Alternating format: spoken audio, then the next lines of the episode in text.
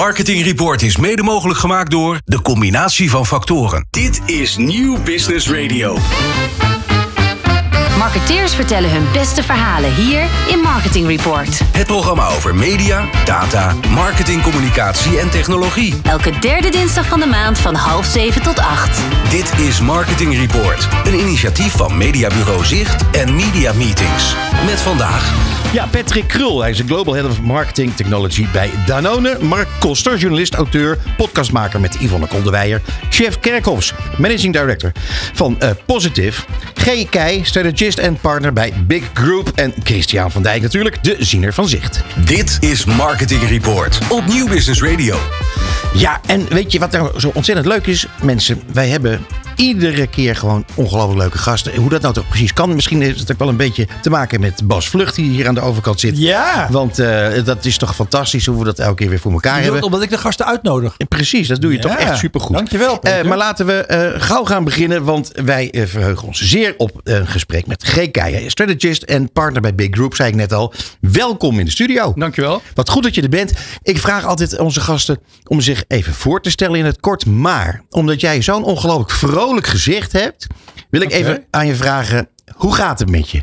Eh, uitstekend. Ja? Uitstekend. Ja, echt. Ja, hoe komt dat? Ehm, nou, het gaat sowieso goed. Maar ik hoorde een uur geleden dat we een eh award gewonnen hebben. Ha! Voor beste audio, productie, podcast voor Mastercard. Bij European Content Awards. Wow. Yes, gefeliciteerd. En we waren ook eh, genomineerd voor de beste social campagne van het jaar. Zijn we niet geworden, maar op het nippertje. Nou ja, maar goed, uiteindelijk genomineerd is ook bijzonder. Ook eh, prijs. Zeker. Maar zeker. prijzen winnen, dat is toch super lekker. En ik moet je zeggen dat lekker. jij loopt al een tijdje mee in deze business. Maar ehm, het is niet zo dat het went, hè, prijzen winnen. Nee, het went nooit. Nee. Hey, G, mag ik er meteen iets vragen? Ja. Eh, je hebt ook wel eerder iets gewonnen. Betekent dat dan dat er morgen dan echt bijvoorbeeld partijen gaan bellen van... eh, oh, we doen een pitch, doe je mee of zo? Of eh, kom ik ietsje langs? Of werkt het echt zo? Nou, meestal werkt het niet zo. Ehm, maar waar het wel mee helpt, is als je in een pitch zit of je wordt uitgenodigd, eh, dat ze in ieder geval bewijs hebben dat je niet verzint dat het werk goed is, maar dat anderen, eh, juries, ook besloten hebben dat het goed is. En Ja. natuurlijk zijn vaak effectiviteitsprijzen die door klanten worden beloond. Die worden soms wat meer gewaardeerd. En mensen die je aanneemt, talent dat je zoekt, ja, die vallen meer op pure creativiteitsprijzen. Nou, Ja, en de voortvarendheid waarmee Bas hier opeens tekeer ging hier op de radio, dames en heren, heeft ervoor gezorgd dat eigenlijk de initiële vraag niet gesteld is. Want namelijk, G, wil je er zelf nog even aan ons en de luisteraars voorstellen? Ja, dat is goed. Mijn voornaam is eh, G, achternaam is Kei en het bedrijf heet Big Group in Amsterdam. En dat is, zoals het al zegt, eh, een groep. Want we hebben ook eh, agencies, kantoren in Bath en in Londen. Ja, Zuid-Engeland, Bath. Zuid-Engeland. Bath. Ja. Leuk zeg. Ehm, en dan hebben jullie een eh, toch wel een bijzonder bureau. Eh, ik wil het heel graag met je hebben over eh, Everyone who works at Big Group is a partner. Dat heb ik zien staan op jullie website. En ehm, ja, dat is dus de, de, de Employee Ownership Trust. ja. En dat vind ik een goed verhaal en daar wil ik graag alles over horen. Als het mag, als je erover wil vertellen. Eh, ja, daar kan ik je wel iets over vertellen. Ehm, het bedrijf Big is pakweg 25 jaar geleden opgericht door Nick en Ed in Londen. Die hebben Big eh, opgebouwd tot wat het is daar. Ehm, uiteindelijk hebben wij vijf jaar geleden ehm, ben ik erbij gekomen. Mhm. En dat was een ander bureau wat overgenomen is door Big. Dus we hebben Big Amsterdam opgezet. En uiteindelijk is in overleg besloten dat eh, alle aandelen van Nick en Ed, 80%, 20% volgt nog, die gaan in een trust. En dat is een employee-owned trust. En dat zorgt ervoor dat iedereen die bij Big werkt, of die nog komt werken, aandeelhouder is. Nou, Gelijk, gelijk verdeeld. Dus iedereen is aandeelhouder. ja. Eh, die aandelen zitten in de trust. Er is in de trust een board. Zoals je dat altijd hebt met Ja. aandeelhouders. Die, dat zijn mensen die gewoon bij BIC eh, werken. Mhm. Ehm, en het management blijft gewoon het management. Ja. De salarissen blijven gewoon de salarissen. Het is nog steeds zo dat iemand in een bepaalde positie meer verdient dan een ander. Tuurlijk. Ehm, maar de, uiteindelijk, zeg maar, de langetermijnvisie en de langetermijn investeringen. Gaan we meer investeren in, eh, ik noem maar iets, in eh, eh, artificial intelligence. Mhm. Willen we dat? Dat ligt bij de, eh, bij de trust. Ja. Iedereen is eigenaar. En is ook iedereen evenveel eigenaar? Iedereen is evenveel eigenaar. Ja. Oh, Maar ik vind, het, ik, vind het, ik vind het heel bijzonder. En het lijkt mij heel motiverend voor de mensen die daar werken. Is dat ook zo? Dat is ook zo. Voor ons is het eh, eh, nieuw. Het is voor die mensen ook nieuw. Dus het is allemaal een beetje wennen. Eh, Want sinds wanneer is dit? dit is sinds drie maanden eigenlijk. Oh, dat is echt heel kort. Nee, dat is echt heel kort. primeur. Dat is absoluut de primeur. Want we hebben het nog eh, we hebben het mondjesmaat op de site vermeld. Omdat die site net nieuw is. Maar eh, Oké. Ja. Goeie site trouwens. Met, met al die rare pop-ups. Heel leuk. Maar goed, dat even terzijde. Mag Ehm, ik even iets vragen? Ja. Even tussendoor. Zeg eh, dat eh, Londen. Ja. En dan eh, was het voor die mensen dan heel logisch om dan naar Amsterdam te gaan? Als, als ehm, met wij ook wel Amsterdam Creative Capital. Maar eh, ja, in, in Cannes is er tegenwoordig weinig van te merken. nee, dat, dat- ja, dat klopt. Ehm, zij zaten in Engeland en ik denk gedeeltelijk ingegeven door, eh, door Brexit. En gedeeltelijk ingegeven door Oh. opdrachtgevers. Die misschien wel wilden dat ze een kantoor hadden in Amsterdam. Is er gekozen in Amsterdam. Er is gekeken naar Parijs, Berlijn. En uiteindelijk uitgekomen in Amsterdam. En wij doen ook, eh, nou ik denk dat 30% van ons inkomen eh, zijn campagnes, activaties in misschien België, Duitsland, Italië. Voor zover. Oké. En ehm, voegt Amsterdam, wat, wat jullie doen, nou speciaal iets toe? Dat je zegt van, eh, nou, wij doen, eh, voegen iets toe. Iets, maak iets extra's. Eh, je- Goeie vraag even zo goed. Maar een beetje dat is gek een hele, gesteld. hele, hele goede vraag. Ehm, wat wij toevoegen is, eh, ik denk creativiteit en strategie. En dat, dat zie je ook, dat wij vaak uitgenodigd worden, ook door Engeland, om eh, bijvoorbeeld voor, voor Polestar of voor Mastercard, eh, ja, daarin te werken, daarin te helpen. Ehm, het is wel zo dat, eh, even terugkomend op IoT, dat je hebt ook bijvoorbeeld bij de McCann en de Ogilvy-achtige dat Londen en Amsterdam samenwerkt. Eh, alleen die vertellen dan dat ze één P&L hebben. Dat is vaak wat lastig. En wij hebben hem inderdaad. Oké, oh, wow. Dus eh, eh, eh, het maakt niet uit of eh, eh, eh, Londen, Amsterdam, Bath. Wat, ja, misschien wel vanuit management. Jij doet het wat minder dan de ander of whatever. Maar er is één P&L. Dus het maakt niet uit. Of, Oh, eh, tof. Trouwens, eh, Ja. Polestar, Mastercard, wat een klanten zeg. Ja. Hebben ze allebei hier eh, aan tafel gehad. En met allebei met hele vette verhalen. Ook Ja, Mastercard, ja. zeker nog, Ja. recent nog. nou ja, Maar- Mastercard is een van de, de, ja, een van de belangrijkste klanten denk ik binnen Big Groep. Ja. Maar sowieso, eh, die, ik wil straks nog even over, op dat eh, eh, IoT terugkomen.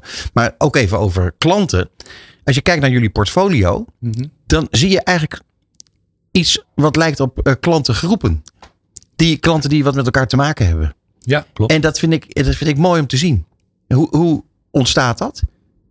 Eh, dat ontstaat door eh, heel goed werk te leveren en heel hard te werken voor een bepaalde klant in een bepaalde categorie. Die daardoor anderen ja, of tipt. Of dat het werk zo opvalt dat die anderen getriggerd worden om ook jouw kant op te komen.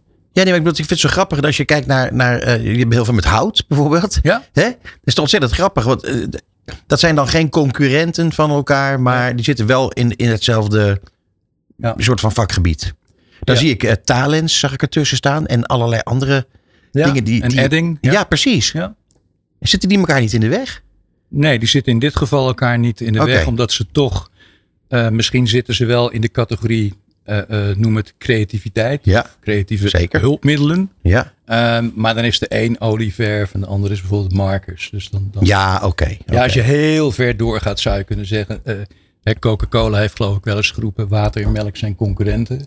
ja, alles, wat je, alles wat vloeibaar is, is concurrent. Maar zij zijn daar wat, wat milder in. Ja, het is ontzettend en, en het is mij. natuurlijk altijd zo als je, als je twee klanten hebt, dan kan het niet. Dan is het concurrerend. Mhm. En als je er drie hebt, ben je een specialist. Dus, eh, Ja, precies. Hey, en dan nog even terug, wat ik al zei, eh, naar het eh, IoT. Ja. Want wat ik, wat ik zo graag wil weten is wat het voor jullie als bureau betekent. Je, je, je hebt er nu maar heel kort ervaring mee. Mhm. Maar is het iets wat bijvoorbeeld bedoeld is om je, je talenten die je aan hebt getrokken en die je opleidt natuurlijk ook, om die op deze manier aan je te binden. Zeker. Ja, Is, is dat de, de belangrijkste achterliggende gedachte? Of is het de motivatie? Of, Ehm, nou, dat is wel een van de belangrijkste drijvers. Maar wat misschien nog wel veel belangrijker is. Je kunt je afvragen of je anno 2024. eh, als je het hebt over een, een bedrijf wat leeft van ideeën, strategie, creativiteit, technologie. Dus we zijn, we zijn geen worstenfabriek met een ISO-certificering. Ehm, dan wil je getalenteerde mensen hebben. Maar wat er ook bij hoort is ja, is het dan de bedoeling dat er twee mensen zijn in een bedrijf die 80% van het inkomen krijgen of 80% van de bonus? En dat de rest het dan doen, moet, doen met een salaris. En wij vinden van niet. Dus wij vinden dat iedereen aandeelhouder moet zijn, eh, gelijk. Ehm, en waarschijnlijk bind je daar ook talenten mee. Want heel veel mensen worden freelancer, juist vanuit die frustratie. Precies, dat begrijp ik heel goed. En ja, Ik vind het heel mooi. Het is een, het is een, eh, eh, is het eigenlijk een unicum in, eh, in ons vakgebied, zeg maar? Ik, ik weet het niet zeker, maar ik denk in Nederland dat het binnen de bureauwereld een unicum is. ja, Ik had het ook nog er niet is gehoord, een eh, ingenieurs groot architectenbureau in Nederland. Dat heet ANRUP. Dat heeft onder andere de hoogste houten toren gedaan ja een van jullie ja, aan de klanten. Amstel. Ja. Dat is ook een IoT. En in Engeland zijn er ongeveer 2000 IoT's. En daar is het wat ouder. Want ik weet niet of je wel eens gehoord hebt van John Lewis, die retailer. Mhm. Die is al IO IoT sinds 1929. Serieus, joh. Absoluut, ja. Hey, en dat, dat eh, werkt dus heel goed, begrijp ik. Werkt heel goed. Ja.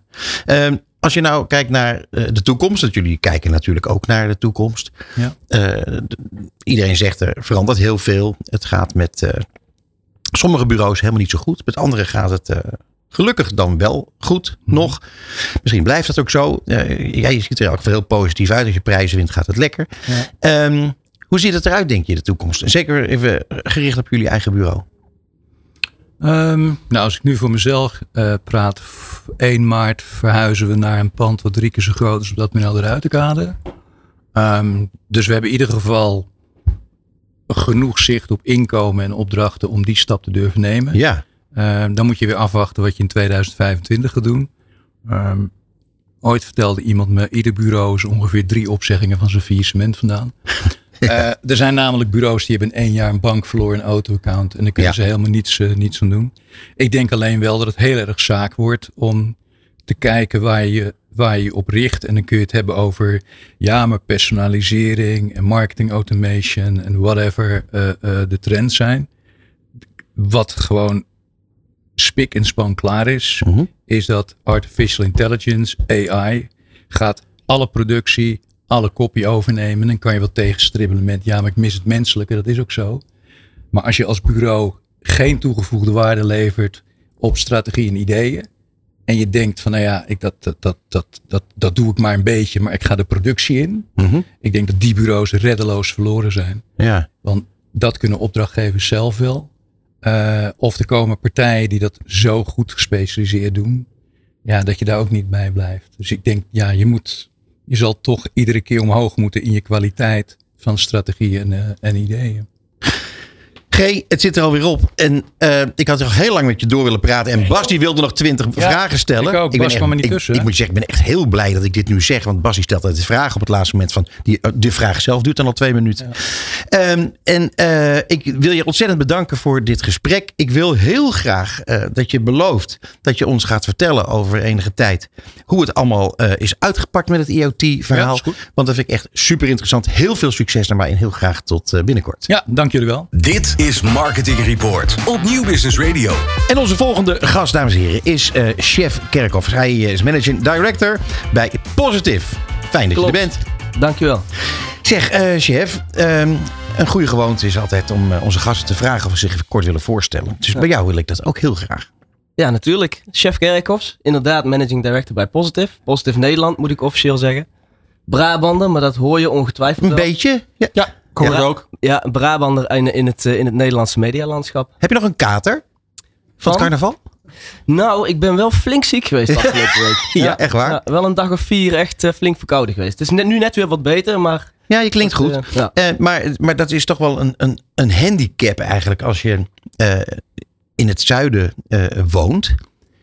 dan is het heel fijn dat je zo lekker feest kan vieren. Maar dat, dat je dan, dat die hele provincie en, en, en ook Limburg, het hele spulletje gewoon ziek is een week daarna. Ja, het ligt echt op zijn gat. Ja. Eh, dat is absoluut zo. En mijn, mijn, de familie van mijn vrouw is echt een traditionele carnavalsfamilie. Dus die gaan ook voor de full vijf dagen eh, Ja, feest. ja, ja. Dat, dat heb ik zelf iets minder. Maar ik vind het wel leuk om een paar dagen mee te lopen. Ja, natuurlijk. Ja. Het is We bloedgezellig. hebben dus een B2B-programma op de radio. Dat gaat over marketing. Ja, inderdaad. En bij carnaval, eh, dat is eh, één groot feest van merken. Ja. Eh, heel veel biermerken onder andere. Maar goed, daar gaan we het nu niet over hebben. Of misschien wel, dat weet ik niet. Maar ehm, chef, eh, een fusie hebben jullie achter de rug. Ja. En ehm, Fusies bestaan niet. Dat ja, weet dat- ja maar, maar hier wordt toch bij hen gesproken over een fusie. En dan doe ik dat ook gewoon. Die fusie was een succes. En eh, jullie hebben gekeken naar wat vinden de klanten nou allemaal van. En eh, die waren heel tevreden. En ik vind tevreden klanten, dat is echt heel belangrijk. Vertel eens even wat er allemaal gebeurd is. Ja, ik heb zelf mijn, eh, mijn bedrijf, destijds Daily Dialogues, social media bureau, verkocht aan Candid, Candid platform. Ja, en in 2022 heeft eigenlijk de board van Candid gevraagd van kunnen jullie nu Daily Dialogues en Havana Harbor, twee digital bureaus, kun je dat samenvoegen en daar één van smeden? Want er zit zoveel overlap tussen die partijen. eigenlijk een soort van fusie, zeg maar. Ja, fusie, Ja. eh, samensmelting, eh, samengaan van teams, hoe je het ook zou willen noemen. En eh, uiteindelijk is dat in 70, 80, 90 procent van de gevallen gaat een fusie fout. Hè? Dat Ja. heeft vaak met DNA, communicatie onderling te maken. Ehm, en wij hebben een team gehad met heel veel jonge mensen die nog bereid waren en konden bewegen. En, eh, en dat is ontzettend goed verlopen. En de klanten inderdaad, wat je net zegt, die konden dat enorm waarderen. Ehm, met name omdat er voor hen ook vrij weinig veranderde. Behalve dat je meer diensten kon aanbieden. Ja, het is toch interessant? Want eh, eh, wat je net al aangaf, heel vaak gaat dat niet goed. Had je, hadden jullie vooraf bedacht wat je allemaal zou kunnen tegenkomen en heb je dat dan kunnen voorkomen, zeg maar? Ja, kijk, in dit geval had je een van de twee partijen die draaide goed, eentje draaide minder. Hè. Dat zie je natuurlijk vaak in geval van, van fusies. Ehm, en dan denk je wel, dan verwacht je wel dat je daar tegen dingen aan gaat lopen. Hè. Dat mensen bijvoorbeeld vertrekken. Die Ja. hebben daar geen zin in om weer gefuseerd te worden of weer een nieuw traject in te moeten. Klanten die eh, daar niet blij mee zijn omdat er te veel verandering is, wat uh, logischerwijs over het algemeen niet zo gewaardeerd wordt.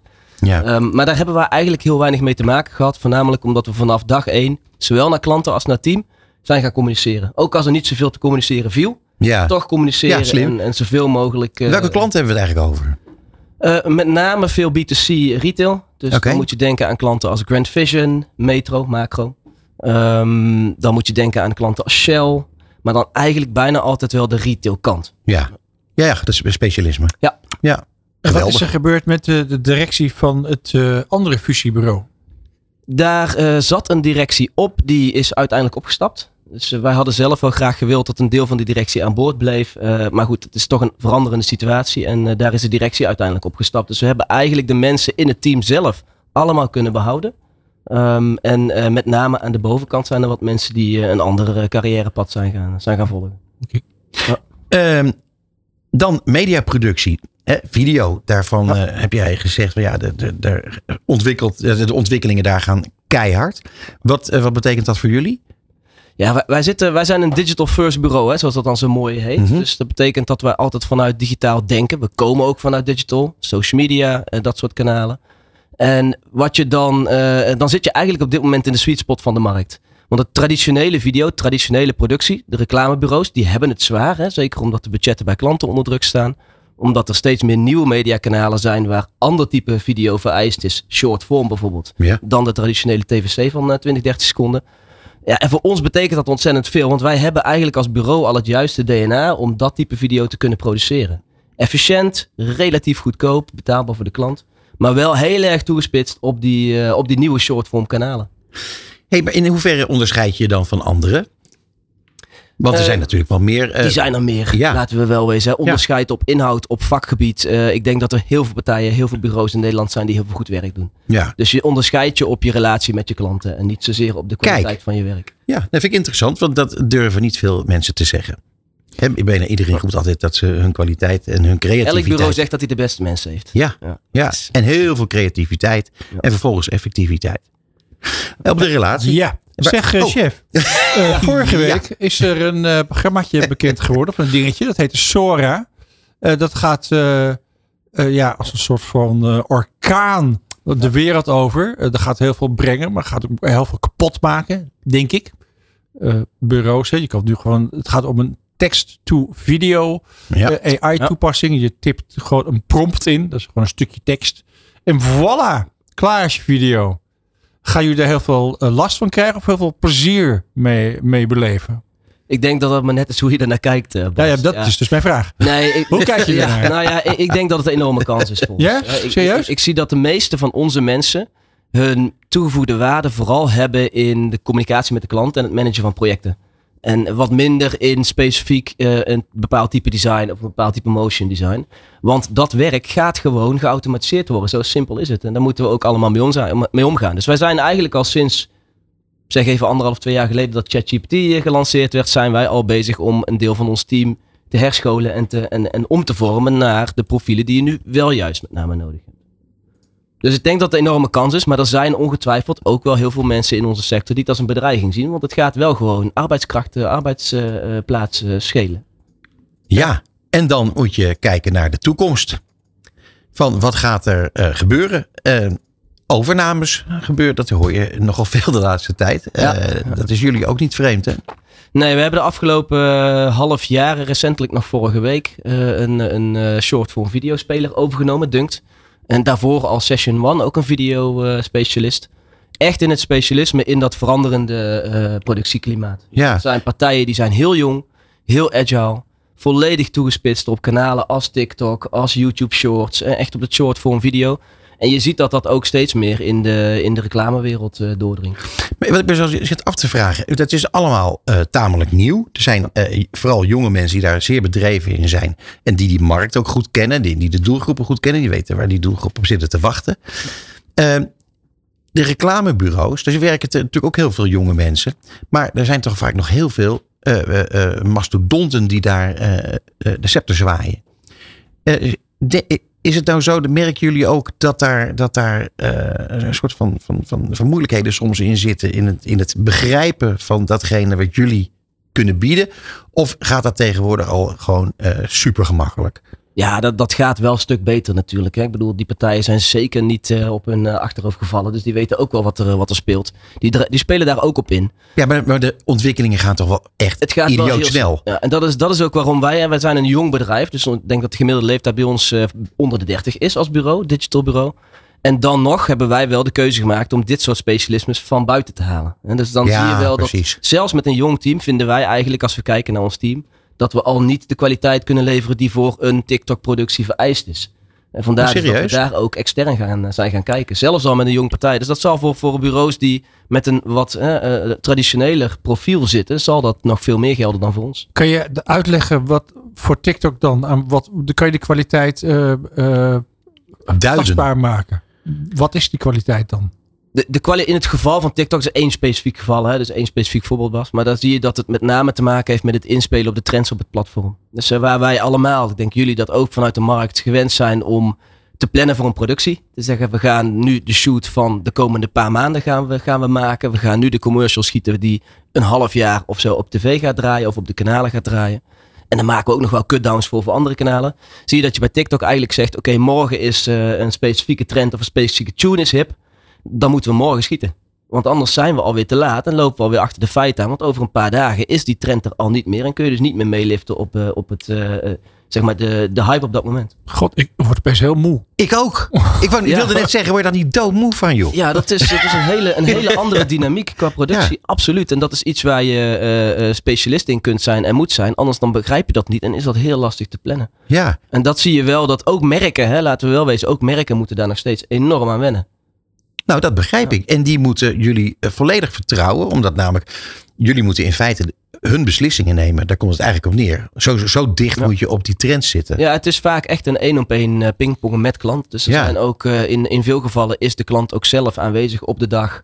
Om op dat moment nog mee te denken over hoe het exact eruit gaat komen. Ja, omdat look en feel natuurlijk belangrijk Ja. is. Ja. Hey, en dan heel kort nog eventjes. Dit gaat allemaal zo hard. Zijn er dingen waar je je zorgen over maakt?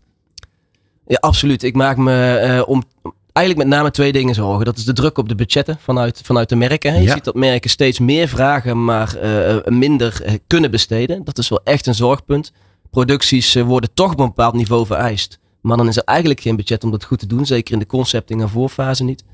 En een tweede is de druk die dit allemaal met zich meebrengt voor de generatie die bij ons werkt. Ja, we dat kan zien echt wel jonge mensen die best wel wat op een bordje krijgen in dit soort eh, eh, situaties, in dit soort bedrijven. Daar, daar hoop je dan wel van dat dat eh, allemaal te dragen is en, en dat dat goed blijft gaan. Ik kan me dat ontzettend goed voorstellen. Eh, en, en Bassie is er helemaal ingestort, zie ik er aan de overkant. Na, na, na zoveel activiteit, alleen al te denken eraan, wat je doodmoe van. Eh George, het is eh, niet te filmen, maar het is, zit er alweer op. Over, eh, ja, ik bedoel, dat filmen, dat past even leuk, hè? vind je niet, in dit dingetje? Eh, goed, maar eh, het, het, het, ik vond het een heel plezierig gesprek. En eh, we blijven positief en we blijven je ook volgen, want het is een waanzinnig interessant verhaal. Heel veel succes in de komende tijd. Dankjewel. Ja, dankjewel. Dit is Nieuw Business Radio. Marketing Report. Zicht op media. Ja, zeg jongens, we gaan weer beginnen hoor. Want eh, het is eh, Christian van Dijken die vandaag de ziener van zicht is. Christian, fijn dat je er bent, man. Dankjewel, superleuk om er weer te zijn. Ja, eh, we hebben je ook wel een beetje gemist hoor. Dat snap ik. Nou, ik heb één ja. maandje. Nee, dat is niet waar. Eén maandje was ik er niet bij. Ja, maar daar zit dan toch twee maanden tussen. Ja, nee, dat klopt. Maar dat Nou. zijn we toch wel gewend. Dat is, eh, dat is nou, mijn jij bent dat misschien gewend, maar wij, eh, Bas en ik niet. Wij vinden dat heel eh best Ik vind het heel fijn om hier weer te zijn. fijn. Goed dat je er Zeker. bent, man. Zeg, heb jij een leuk nieuws meegenomen? Ja, zeker. Het was wel even zoeken. Eh, en of het leuk nieuws is, weet ik niet. Maar ik denk dat het eh, wel Maar interessant. is. Ja. Precies, precies. Ja. Ik heb twee onderwerpen meegenomen. Ehm eh, Het zijn uiteindelijk ook wel eens wat- vier. Ja, Het zijn er ook wel eens vier. Nee, dat klopt. Dat klopt. Dus kijk, uiteindelijk Sora net gelanceerd. Gaan we daar even over hebben. Ja, leuk. Maar wat mij afgelopen maanden opviel, is dat er nogal wat verschuivingen in de media zijn. En dan met name uit mediabureaus en in topfuncties. Ja, precies. Verschuivingen qua mensen. Ja, pin mij niet vast op de maanden wanneer het allemaal gebeurd is. Eh, hè, maar de afgelopen maanden, ik denk toch drie, vier maanden zijn er veel verschuivingen geweest. Ik ga ze heel even snel opnoemen. Ja, doe maar even. Eh, maar Leuk. bij Publicis, Jacco uh, Terschegget weg. Maar Isabel is daar dus de nieuwe CEO geworden. Dax. Die is dus weg bij Wavemaker. Zeker. Isabelle Dax, inderdaad. Eh, dus daar zijn verschuivingen geweest. Nou, bij Wavemaker inderdaad Isabel weg. Ruud Verheijen is daar benoemd tot nieuwe CEO. Ja. Wordt er eindverantwoordelijk voor een hoop. Want hij werkt eh, eh, voor Wavemaker, maar werkt dan samen met Groep M, Nexus, Studio M. Ehm, is vanuit Business Development gekomen. Dus daar lijkt een verschuiving van toch een meer commerciëlere rol naar een CEO-rol. Interessant, Mhm. eh, interessant om te zien. Ja. Frank Bitter, nieuwe MD van PhD. Ehm, Die maakt de overstap vanuit Candid. Candid heeft daar geen nieuwe eh, vervanger voor. Maar zit bij eh Candid zit weer heel veel overnames die nu plaatsvinden. Ze hebben eh, Mobile Journey Dunkt overgenomen. Zit wat meer op het sociale vlak natuurlijk. Dus daar gebeurt ook veel. Niet zozeer verschuiving op personele vlak. Maar Ehm, is natuurlijk een, een, een overnamespecialist. ja, die zaten op overnamepad inderdaad. Volgens mij hadden ze meer over willen nemen, maar was er eh, te weinig te koop. Dat is volgens Ah, mij de, de belemmering geweest.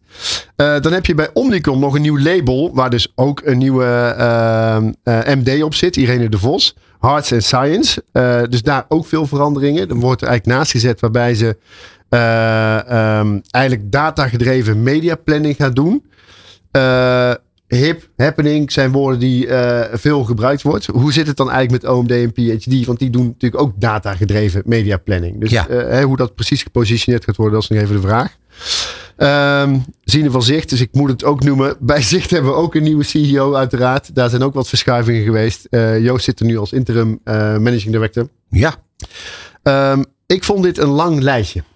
Ja, Eh, dat is, nee, eigenlijk daar heb je de gelijk in. afgelopen, eh, drie, vier maanden. En er zijn natuurlijk altijd... En het is nog niet eens compleet. Ik wil je niet beledigen, Oh, nee. maar ik bedoel, er er is nog veel meer gebeurd. En Ja.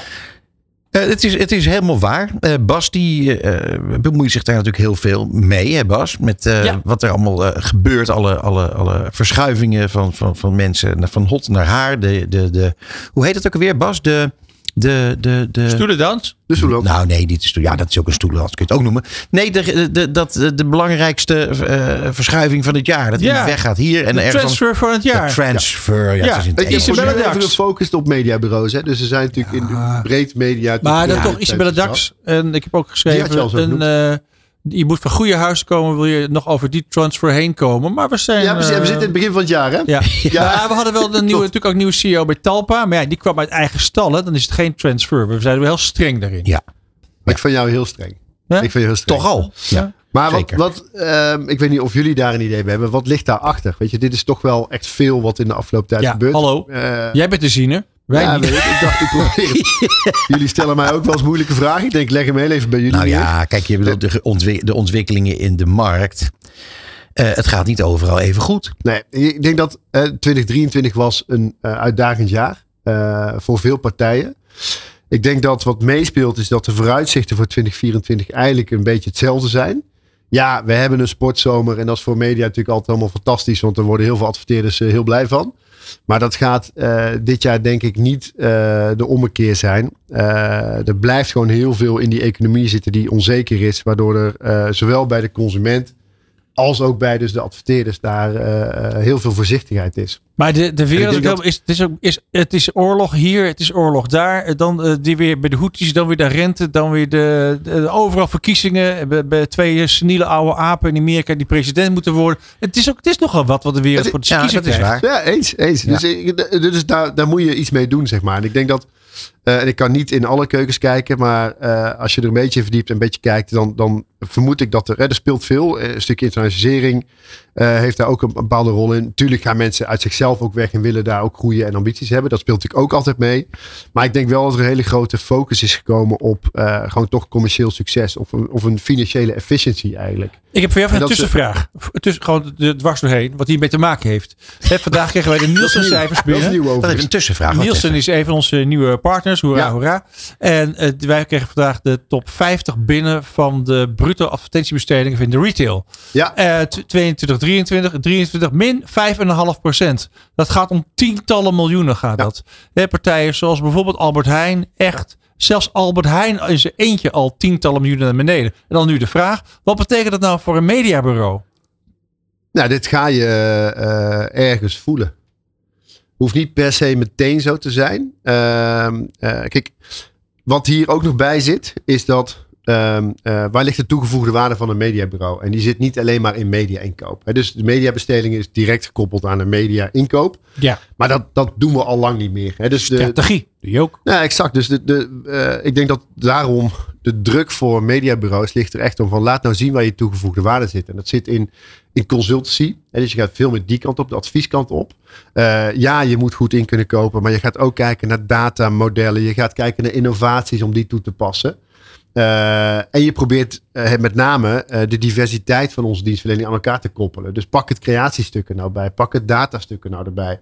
En dan krijg je een totaalbeeld van wat je kan doen voor een adverteerder. En daarmee verklein je eigenlijk het effect van een verminderende advertentiebudget. Dus Mhm. het, ja, ergens is het natuurlijk niet de goede tendens. Want het, het, het stapelt op. Hè, dus de budgetten worden minder. Maar de kosten gaan ook weer omhoog. Want uiteraard hebben we op tv weer enorme inflatie dit jaar. Eh, ja, dat moet allemaal wel gewoon op een gegeven moment samenvallen. Dus we letten hier wel op. En ik denk ook dat wel daarin gekeken wordt. Hè. Dus met die focus op die financiële efficiëntie hebben we de juiste mensen op de juiste plaats zitten.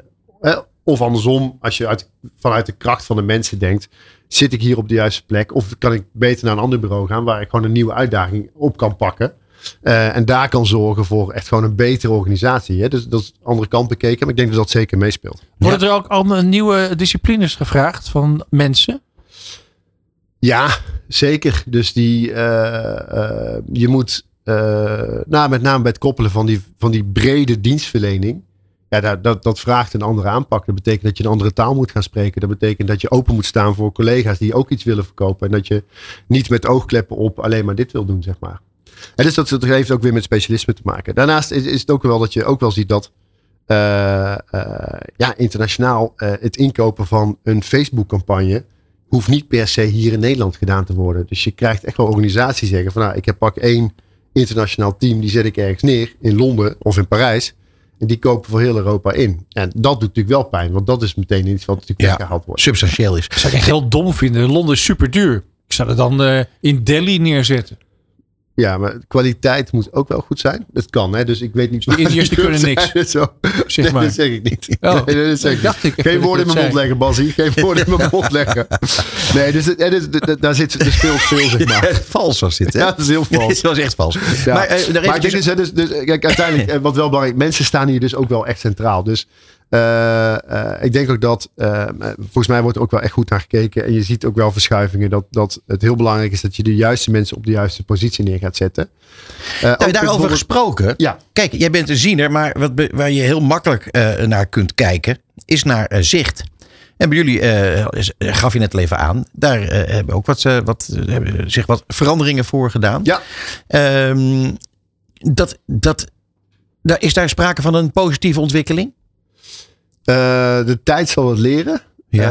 Eh, hè, dat, dat uiteraard Ja. ben ik heel open. Maar ehm, ik denk dat, dat de ontwikkeling die nu gaande is, die eh, ja, heeft zeker ook positieve kanten. Heeft zeker ook natuurlijk emotionele en negatieve kanten. Ja, natuurlijk. Maar Tuurlijk. dat gaat denk ik hand in hand. En wat hierbij speelt is dat natuurlijk ehm eh, Rogier Brugman is weggegaan. Die Ja. zat er al lang.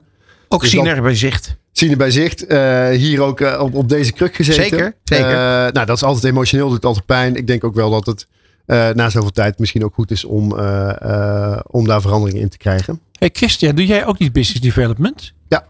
Eh, ik bedoel, eh, ben, je al, hij nou eh, weer een moeilijke vraag stellen? ben je al gepolst door Joost? Hij zit hier aan tafel, dus we kunnen het... eh, Hij zit zo aan de andere kant van de studio, ja. Nee, ehm, ik heb wat op dit vlak geen primeur. Eh, Joost is nog Ah. steeds interim eh, managing director. Dus Ja, eh, dat is niet hij pakt die, rol, eh, pakt die rol zeker op. ja, nee, ja, goed. dat is heel mooi. Ik laat je ermee wegkomen. Dankjewel. Maar we gaan nu het volgende onderwerp, want anders eh, krijgen we, kunnen we daar niet lekker lang over door eh, Nee, precies. zagen, zou ik maar zeggen. Ehm, Sora, Ja, dat is gekomen hè? nou ja, dat is toch, dat is toch eh, angstaanjagend interessant. Het is heel interessant. Ja. Ja. Eh, wel even één kanttekening. eh, meteen, maar weer even. Het wordt natuurlijk weer mega opgeblazen. Zeker. Was bij ChatGPT ook toen dat kwam. Het was ongelooflijk. Iedereen kon zijn baan opzeggen. En we hoefden eigenlijk niks te doen. Wij hoeven hier ook niet meer aan, achter de microfoon te zitten. Want je kunt het gewoon laten Klonen. schrijven. Ja. Hè, dus, eh, dus dat is even één ding. Maar het is, ik heb eh, voorbeelden gezien van wat gemaakt wordt. Het is fantastisch. Ja, Ja. Maar er zitten ook nog heel, heel veel fouten zitten erin. En, Ja, maar dat Eh, gaat natuurlijk wel beter worden. Tuurlijk. Dus als je dit vergelijkt met wat een half jaar geleden al te krijgen was eigenlijk. En wat toen mogelijk was. Dan is dit een enorme stap, stap voorwaarts. Ja. Ehm, ja, ik, heel gaaf. Maar wat gaat het betekenen? Dat, dat is moeilijk in te schatten. Ehm, weet je, hebben we nog reclamemakers nodig? Kun je nog, eh, moet je nog filmscripts eh, schrijven? Eh, er zijn tools waarbij dus ook muziek en geluid ga je nog naar tropische stranden om daar commercials op te nemen? Ja, die is heerlijk. Hè? Dus dat reclamemakers die roepen, dit vraagt om een tropisch eiland. Ja, Ja. dat is nu anders geworden inderdaad. Ehm, eh, jammer eigenlijk, denk Ja. ik. Dus het haalt ook heel veel leuke dingen weg. Ik weet het niet. Ik denk dat eh, ehm, de, de, eerste echt grote tv-commercial... of grote adverteerder die hiermee aan de haal gaat... voor echt een, een commercial op tv uitzenden... dat denk dat het wel even gaat duren. Eh, ik denk wel dat je eh, toepassing hiervan heel snel gaat krijgen. Hè? Dus eh tussenscènes in bijvoorbeeld commercials, dat kan natuurlijk nu heel makkelijk. Eh, ik denk dat je heel veel variaties kan maken op. Je kan eh, heel snel inspelen op de actualiteit. Ja, dus da- daarin bij, maar dat zijn vaak de wat kleinere dingen. En daar zal het echt wel een grote rol gaan spelen. Nou, wat denk je dan met sportwedstrijden wereldwijd? Ik bedoel, eh, je kan zomaar opeens even een nieuwe commercial maken. Klopt. Je kan ook vragen of die een sportwedstrijd maakt. Kan ook, ja. Dan weet je de uitslag, dan kan je de uitslag van tevoren invullen. Ja, goed maar idee. Dat is dus wel eh, het gevaar. Nou, kijk, en, en hier heb je natuurlijk de discussie van eh, hè, voor het commerciële gebruik van oké, hoe ver kun je daarin doorgaan? Eh, maar het hele deepfake discussie, die wordt hier natuurlijk ook heel erg interessant. Dat was al een probleem. Eh, de eerste eh, deepfake van Donald Trump was al zes jaar geleden. Moet je nagaan hoe ver we teruggaan. Maar dat is met dit wel echt een heel groot probleem aan het worden. Eh, zeker in een, in een jaar waarin volgens mij de helft van de wereld naar verkiezingen moet gaan. En dus de, de, de, impact op de, op de maatschappij kan heel erg groot worden. Daar moeten we maar niet te lang bij stilstaan. Maar inderdaad kijken van wat zijn nu de commerciële mogelijkheden hiervan? En ik denk dat met name dat, dat het zit in de wat kleinere, snellere dingen. Inspelen op actualiteiten. Echt de diversiteit zoeken voor verschillende boodschappen naar verschillende doelgroepen. Zodat je iemand persoonlijk aan kan spreken. Eh, hè, met name op digitale vlak. Daar zullen echt wel wat, wat eh, toepassingen gaan komen. Eh, ik kijk uit naar de, de eerste tv-commercial die volledig voor eh, Sora gemaakt Ik ook. Dat lijkt Heel me, kort, lijkt Bas. me heel Ja, heel kort. Hey Christian, ik dacht aan het volgende. Ehm, ehm, ehm, jij kunt natuurlijk heel veel eh, productiebudget besparen door Kort, met dat eh, Sora te gaan, eh, gaan werken. Eh, eh, dus dat kan heel goed werken. Stel je voor dat ze straks zeggen, je kunt een abonnement nemen. Dat kost 50.000 euro per maand. En alleen de TBWA, Media Monks en de Debt en IO, die kunnen dat betalen. Ja. Eh, dan, dan veeg je gewoon in één keer de helft van de markt weg in Nederland. Ja, maar die, deze discussie die hebben we vorig jaar en het jaar daarvoor ook gedaan. Toen eh, kon elke journalist zelfs een baan opzeggen of elke tekstschrijver. En dat is ook niet gebeurd. Eh, Dat gaat niet gebeuren. Kijk, ik denk dat zeker met dit soort tools de menselijke factor is ook heel belangrijk. Dus hoe ga je dit gebruiken? Dat kan alleen als je iemand ervoor zet die het goed kan gebruiken en het goed kan inzetten zeg maar, in zijn vakgebied. Dus dat, dat blijft altijd wel. Of haar vakgebied, zeker. Ja, en nu we het toch over eh, zijn of haar vakgebied hebben. eh, heb jij nog een paar seconden om ons een primeur eh, aan te bieden? Ja, leuk. Want wie is namelijk de nieuwe Ziener van Zicht volgende maand? Wij eh, eh, hebben Heel lang die- over nagedacht zeker. Zeker, Ja. zeker. Eh, met tromgeroffel. Ja. Volgende maand zit hier Marijnke. Nee joh. Zeker. Dus Nou. dat gaat een spannende aflevering worden. In positieve zin, hè? Ja, ja, begrijp ik. Nou, ik zeg alvast eh, vanaf hier, Marijke, heel hartelijk welkom. Jij, Christian van Dijk, ontzettend bedankt weer voor je bijdrage. Jullie ook weer. Super. Dit is Marketing Report op Nieuw Business Radio. Ja, en wij gaan alweer verder met onze volgende gast. Dat is Mark Koster. Hij is journalist, auteur, podcastmaker met Yvonne Kolderwij. Hij doet- maakt hier de Juice Show. Hij is bij ons in de studio en we zijn daar ontzettend blij mee. Welkom hier, Ja, Mark. nou, Fijn welkom. dat je er bent. Leuk, leuk, Ik doe even een korte introductie. Want namelijk, ik vind het zo leuk om even te zeggen dat na het boek over familie De Mol... is er nu een boek over de mediakoning der lage landen, Christian van Tillen. Over dit laatste boek, wat overal in de winkels ligt. Dat is toch zo, hè? Ja, zeker. Gaan we praten met Mark. Eh, Mark, eh, heel veel mensen kennen jou natuurlijk, maar toch heel graag even kort voorstellen. Ja, journalist. eh, breed inzetbaar zeg ik altijd. Als je me op het voetbalveld zou plaatsen, dan ben ik echt zo'n jongen met nummer 6. Dus een beetje tussen de linies. Geen nummer 10. Oké. Dus ik kan lekker verdedigen. Maar eh, ja, eh, ik, eh, follow the money doe ik dingen. Dus onderzoeksjournalistiek. Maar ja, je zegt ook Yvonne. Dan ben ik meer de Wilfred Geneek. Geeft dat dan aan. En dan gaat ze helemaal los. Eh, maar ook mediacolumn in de Telegraaf nu. En ja, ook gewoon Veel, hè? best druk, ja. Ja. ja. Hey, en nu heb jij een, eh, een, een, een boek geschreven. Een, een lijvig boekwerk. Ik heb het hier voor me liggen. Ja, iedereen vindt het zo dik. Ja, 400 pagina's. Dat vinden mensen dik. Nou ja, dat is toch ook dik? Ik bedoel, Ja, de maar meeste boeken zijn toch 78 veel dun. hoofdstukjes. Dus, dus, dus als je moe bent, kun je, krijg je hem net weggewerkt voordat je in slaap valt. Nee, maar je krijgt... ja, nee, dat is natuurlijk allemaal... Ja. Hey, maar luister, Toen eh, ik het daarvoor- las, toen viel ik juist steeds niet in slaap. Oh, Ja, dat is ook een compliment. Ja, zeker. Het Nee, maar eerste goed, eh, compliment eh, kunnen ze bijhouden.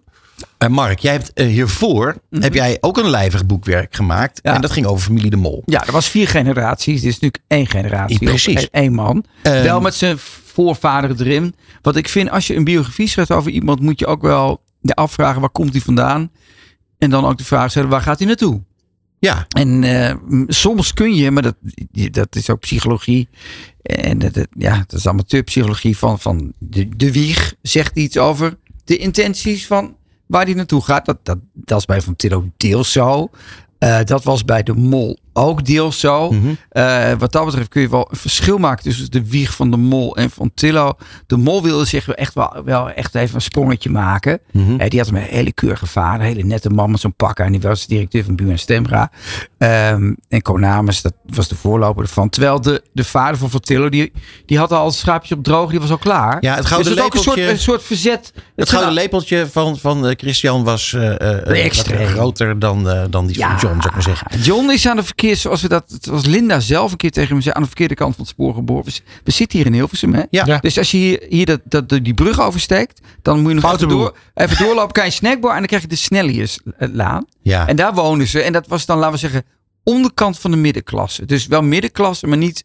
Highbrow, maar net eronder. En dat is, maar goed, daar, zijn wel hele managementboeken over geschreven. Dat is vaak een hele goede stimulator om rijk te willen worden. Ja, ik vind het nu al leuk. Wat? Ik vind het nu al leuk. Nee, ja, maar bij, bij Van Tillo, dat is interessant. Hè? Want, je, je, je gooit dat nou op. Ja. Van Tillo is eigenlijk, dat heb ik ook in de podcast, want dat heb je niet gezegd bij BNR Nieuwsradio Hoogebomen. Van Tillo zou eigenlijk de imperium ten gronde moeten richten. Waarom?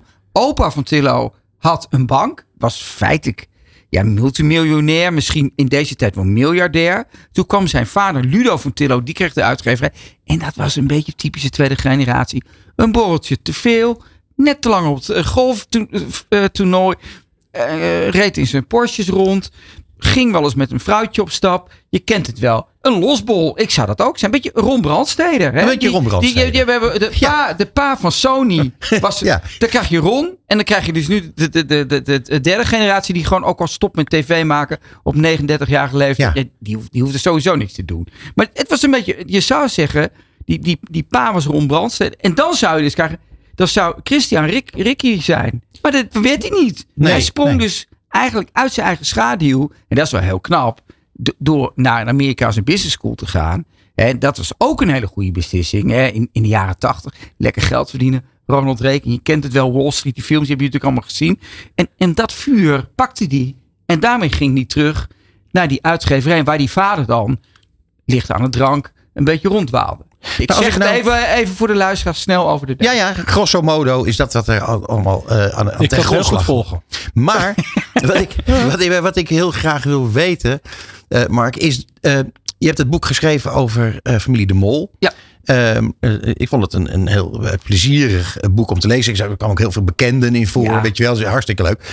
Ehm, en jij bent natuurlijk iemand die fulltime met media bezig is. Jij, jij werkt in de media. Je bent Ja. Maar je, ik, ik was ook zeker niet compleet. Heb ik ook niet geprobeerd. Eerlijk gezegd. Maakt er niet uit. Nee. Eh, maar eh, dan komt het van Tillo. Ja. Nou, dat begrijp ik. Wat komt hierna? Nou ja, ik kan toch wel eerlijk zijn hier met jullie. Wat kan het schelen? Dus ik, ik heb al geluncht met Erik de Zwart, weet je. Dus ik heb even... Erik. Erik de Zwart vind ik is natuurlijk ook een geweldige man om een boek over te schrijven. Hè. Die heeft natuurlijk op, op alle posities in een Nederland... boek schrijven over Erik? Nou, ik vind Erik Zwart wel een hele leuke vent. Ja, Ja, maar hij, hij wil een natuurlijk... Hij heeft weer een andere invalshoek dan ik. Ja, belachelijk dat ik dat hier gewoon vertel. Nee, ik Nou, vind het heel leuk dat je dat nee, nee, nee, maar hij, hij dus, dus d- d- dat is ook een, een man. Een maar de zwart moet wel meedoen, vind ik. Omdat hij volgens mij wel nog eh, dossiers heeft en verhaaltjes heeft die nooit verteld zijn. Nee, dat eh, weet ik. Ja, dat klopt. Oh, wat? Nou ja, ik ken Erik heel goed. Ik ken Erik heel goed. Ja? Ja, ja, ja. Eh, en, en daar ben ik ook heel blij mee, want ik vind het een ontzettend leuke kerel. Ehm, maar hij stond toch ook op, eh, op de cover van jouw boek met, eh, met een aanbeveling. Van, van de familie De Mol, Ja. dat boek. Boeiend. Ik weet Ja. niet of het Poe geloof ik ook. Ja, ik weet niet meer. Onthullend. zei. Ja, onthullend, onthullend. Onthullend, ja. Ja. ik zie je nou wel. Ja, we houden het dan wel even vlijmschep in de gaten. De, de, de, het, het, het gerucht ging rond dat je een, eh, de NPO ging doen. Als boek. Eh, dat gerucht gaat, en dat gaat al een hele tijd. Dat, dat, dat is ook, dat, heeft, dat gerucht speelde al voordat ik met Van Tullen begon. Die, ik heb er ook wel een verzoek voor gekregen. Eh, het nadeel van de NPO, we zitten hier, dat is toch best een bestuurlijk boek. Ja, ja. En ehm, er zit hier een, een, een technicus die knikt zo hard. Weinig dat, juice. dat, dat hij eigenlijk al zei, doet niet, lieve jongen. Eh, en, en, en, en nou is het zo dat, dat, dat het, weet je wat, het is een hele goede vraag. Het is een heel interessant boek. Ja. Het gaat over een miljard euro, even over de duim. Hè. Er komt nog wat reclamegeld bij, nou, dat weten jullie meer van dan ik. Maar die, het is een heel bestuurlijk boek. Ja. Dus het gaat over machtsspelletjes. Het gaat over omroepdirecteuren. Er is waarschijnlijk wel eens een keer iemand in de bezemkast getrokken. En er is ook wel eens een keer een, een boortje te veel gedronken. En, Frans Klein heeft ook een, eh, hè, voor zijn broer toen dat Thaise restaurant geregeld. Maar in principe is dit een, een tamelijk saai wereldje. Als je van buiten naar binnen kijkt. Het gaat over heel. Het is, het is een naar wereldje. Het is een slangenkuil. Maar het is niet zo leuk dat, dat John de Mol natuurlijk bijna failliet ging. En huilend hier door Hilversum breed met Jan van Veen, recent overleden. Ja. En dat hij toen me willen verkoten heeft. Dat is mooier. Hè, dat hij aanbelt bij ABN AMRO. Geef me geld, ik ben kapot. Nou, dat is hier niet, want het is publiek geld. Dus het is een interessant boek. Ik ben het met je eens. Maar ik, ik heb geen, geen hoofdpersoon in mijn hoofd. Ja, misschien denken jullie hardop, wie zou je moeten doen? Ja. Ik heb nog een andere, andere vraag. Sorry dat ik zoveel tijd in Peter. Die is allemaal sorry voor jou. Kijk, Peter en ik, wij zijn bijna 60 hè. Oh. En, en nu met het marketing report. Is er voor ons nog hoop? Eh, als wij maar lang. Wij gaan na ons pensioen door, hè? Want we, anders vallen we dood neer van de honger. Dus wij moeten wel. Maar Ja, als wij nog tot onze 70ste doorgaan, is er nog een kansje dat we bij jou, dat we kans maken op Als een biografie voor ons tweetjes? Oh, voor jullie tweeën. Ja, ik weet Ik denk, niet. waar Dan gaat moet ik, dit heen? Dan moet ik wel natuurlijk in jullie familiegeschiedenis even duiken. Ik Oh. weet niet, fout in de oorlog of verzetsstrijders? Nee, dat niet, maar eh, wel alcoholisme. Oh, dat is wel leuk. Ja. Nee, maar je kan, je kan, nou, ik, ik denk hardop, je kan ook alcoholisme in de media. Dat is wel een leuk boek. Als jullie Ja. daar allebei over willen praten, dan... eh, Ja, nou, ik heb hier een spaatje, dus ik zit Ja, ja. Even, even verkeerd nu. Hé, maar ik wil graag even terug naar de normale dingen. Ja. Kijk, Oh, het vond het juist wel heel leuk. Ja, nee, dat, goed. Maar ehm, nee, want we gaan het over. We hebben het over jouw boek, per slotverrekening. Ja, Ehm, als ik nou kijk naar eh, het boek over familie De Mol, mhm. dan zie ik eh, en heb ik een, een, een boek ervaren waar gewoon heel veel plezier in zat. Daar waar, waar eigenlijk ook van jou uit als schrijver eh, eh, waardering Zeker. in zat. Zeker. En kijk ik nou naar de Belg. Ja, dat is minder. nou, minder minder. Ik, ja, Dat ik vind, minder waardering. ik Nou, vind het ik- niet zo. Ik vind het vanaf eigenlijk pagina 1 Is het hard. hard, ja. Nou, dat kan. Ik zal Ja. het uitleggen. Kijk, eh, proberen uit te leggen. De Mol, dat is eigenlijk een autobiografie over mijn eigen culturele leven. Als je de laatste zin ook ziet. Ik weet nog in de jaren tachtig zat ik met mijn ouders op de bank. En dan kwam Ron Brandstede. Mijn moeder was natuurlijk verliefd op Ron Brandstede. Lange man, zware stem, Ja. humor. Ja. Beetje, beetje typisch tweede generatie met te veel geld hoeft dan niet meer. Dat zijn altijd leuke gasten. Hè? Eh, eh, Getapte gasten. Getapte gasten vaak. Hebben helemaal geen, geen zorgen. Ik rijd toch een auto in de prak de volgende. Leuk. Lekker wijf altijd. Dus hij zit nou ook in Patty Bart weer. Ik vind, dat, ik vind dat leuke figuren. Dus André van Duin. Was, mijn vader was dan een hyperintellectueel VPRO. Maar moest toch lachen om André van Duin. Dus wat je dan krijgt is dat je denkt. Waarom vinden mensen dat zo leuk? En dan had je Jon en Joop. Wij kennen die mensen natuurlijk niet als je tv keek. Maar als je dan onder de motorkap keek. Dacht ik. Wow. Dit zijn de mensen die mijn jeugd eigenlijk hebben bepaald. Dus dat Ja. vond ik mooi. Ehm, nou ja, ik ben helemaal ingedoken. Ik ben natuurlijk begonnen met de opa van John de Mol. Was een jazzmuzikant. Nou, Zeker. volgens mij zit ik hier in de studio met een ongelooflijk jazzliefhebber. Zeker, zeker. Dus, dus die man had voor mij meteen een streepje voor. Toen kwam die wat saaiere vader met zijn dasje hè, achter dat station. Een beetje, een beetje directeur. En toen kwam John. Die natuurlijk weer totale, eh, totale alle kansen die er waren greep. Die Ja. hè, met Big Brother als, als, als, ja, als En werken, werken, werken. Werken, werken, werken. Ook dat herkende ik wel. Vond ik mooi. Ja. Hè, in zo'n scharrig, eh, begonnen in zo'n garage. Moest je over, de, over het, het bureau klimmen om erachter te komen. Had ze een paam gegeven als een soort... Zo, hier heb je ook wat. Dus ik hield daarvan. Hollands glorie. Ja. Maar dan wel in een... Ja, voor cultuur. Maar, maar dan komen wij van Tillo. Kijk, en van Tillo heeft een veel grotere eh, macht. Omdat hij gaat over serieus, eh, serieuze nieuwsvoorziening. En je kan veel van John de Mol zeggen, maar het is niet een man die serieuze nieuwsvoorziening maakt. Nee, niet, nee dat, niet, niet in zijn algemeenheid. Laten we dat niet Nou, eh is de vaststellen. algemeenheid niet. Nee, in zijn algemeenheid niet. Nee, dat, dat maakt niet uit. Eh, eh, Entertainment is entertainment. Daar heb je ook kun je een zekere macht in hebben. Kijk, je kan zeggen dat vandaag in site een, een, een bepalende stem is geworden. Maar dat is meer bij toeval. Dan dat John de Man al dacht, nou, nou heb ik mijn eigen stem. Dat, dat vind ik niet. Dus dat is één. Dus het verschil waarom ik het belangrijker vind. eh, dat Van Tillen doet. En omdat het belangrijker is, vind ik ook dat je daar wat strenger naar moet kijken. Hè, dat zei ik hier voor mij net toen we hier lekker zaten te eten. Van de pers controleert de macht. Maar als de pers in zichzelf een macht wordt, dan vind ik dat je de vraag moet stellen: wie controleert dan die macht? en, en dat vond ik nu het moment gekomen. Je kan zeggen, nou, hij is helemaal niet zo machtig. Het valt hem wel mee. Je maakt hem groter dan hij is. Vind ik best. Dan doe ik dat te horen. Maar wat ik hoor, en het meest bizarre, ik zit hier achter de schermen te luisteren. En ik spreek, ik zal het zijn naam niet noemen, met iemand die jij volgens mij geïnterviewd hebt. Die vertelt dus precies de anekdotes die het beeld kleuren. Wat ik wil schetsen in dat boek. Dus dan denk ik van ja, voor mij zit ik wel in de juiste richting. Dat het iemand is die een waanzinnig goede ondernemer is. Fantastisch. Ik denk in zekere zin beter dan John de Mol. Wat een formatontwikkelaar is. Hè? Eigenlijk een jongleur in het circus. Kan een truc. En gaan mensen daarvoor applaudisseren? De ja nee. Is hij eigenlijk de circusdirecteur die de hele infrastructuur bezit en daarover nadenkt? Knap gedaan. Maar het is wel een circus wat bepaalt wat jij vindt en moet vinden. En daar, daar, vind ik, daar, daar mag ik daar vragen over stellen. Nou, dat mag je sowieso trouwens. En, Maar- en, en daar komt bij dat, dat, dat, dat dus die, die, die, en dat is even echt serieus, en dan kun je weer lachen.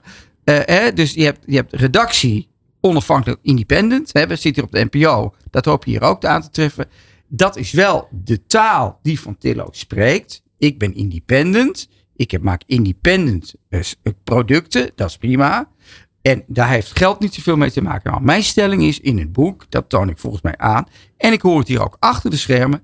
Dat die muur, die Chinese wall, waar ik dan als journalist heel veel waarde aan hecht. Misschien te veel, kan je zeggen. Mark je met een oude purist en een zeikert. Denk ik dat er af en toe gaten in die muur zitten. En ja, ik vind dat een, een, een belangrijk maatschappelijk, eh, maatschappelijk, nou, maatschappelijk te adresseren probleem. Dus dat, dat is wat ik, dat, wat ik daarvan vind. En ik zie jullie kijken en ik zal meteen ook die kritiek daarop zeggen van bijvoorbeeld Erik van Gruithuizen. Wat een hele goede maat van me is. Mhm. Die ook in het boek zit en geweldig meewerkt hè, over het parool.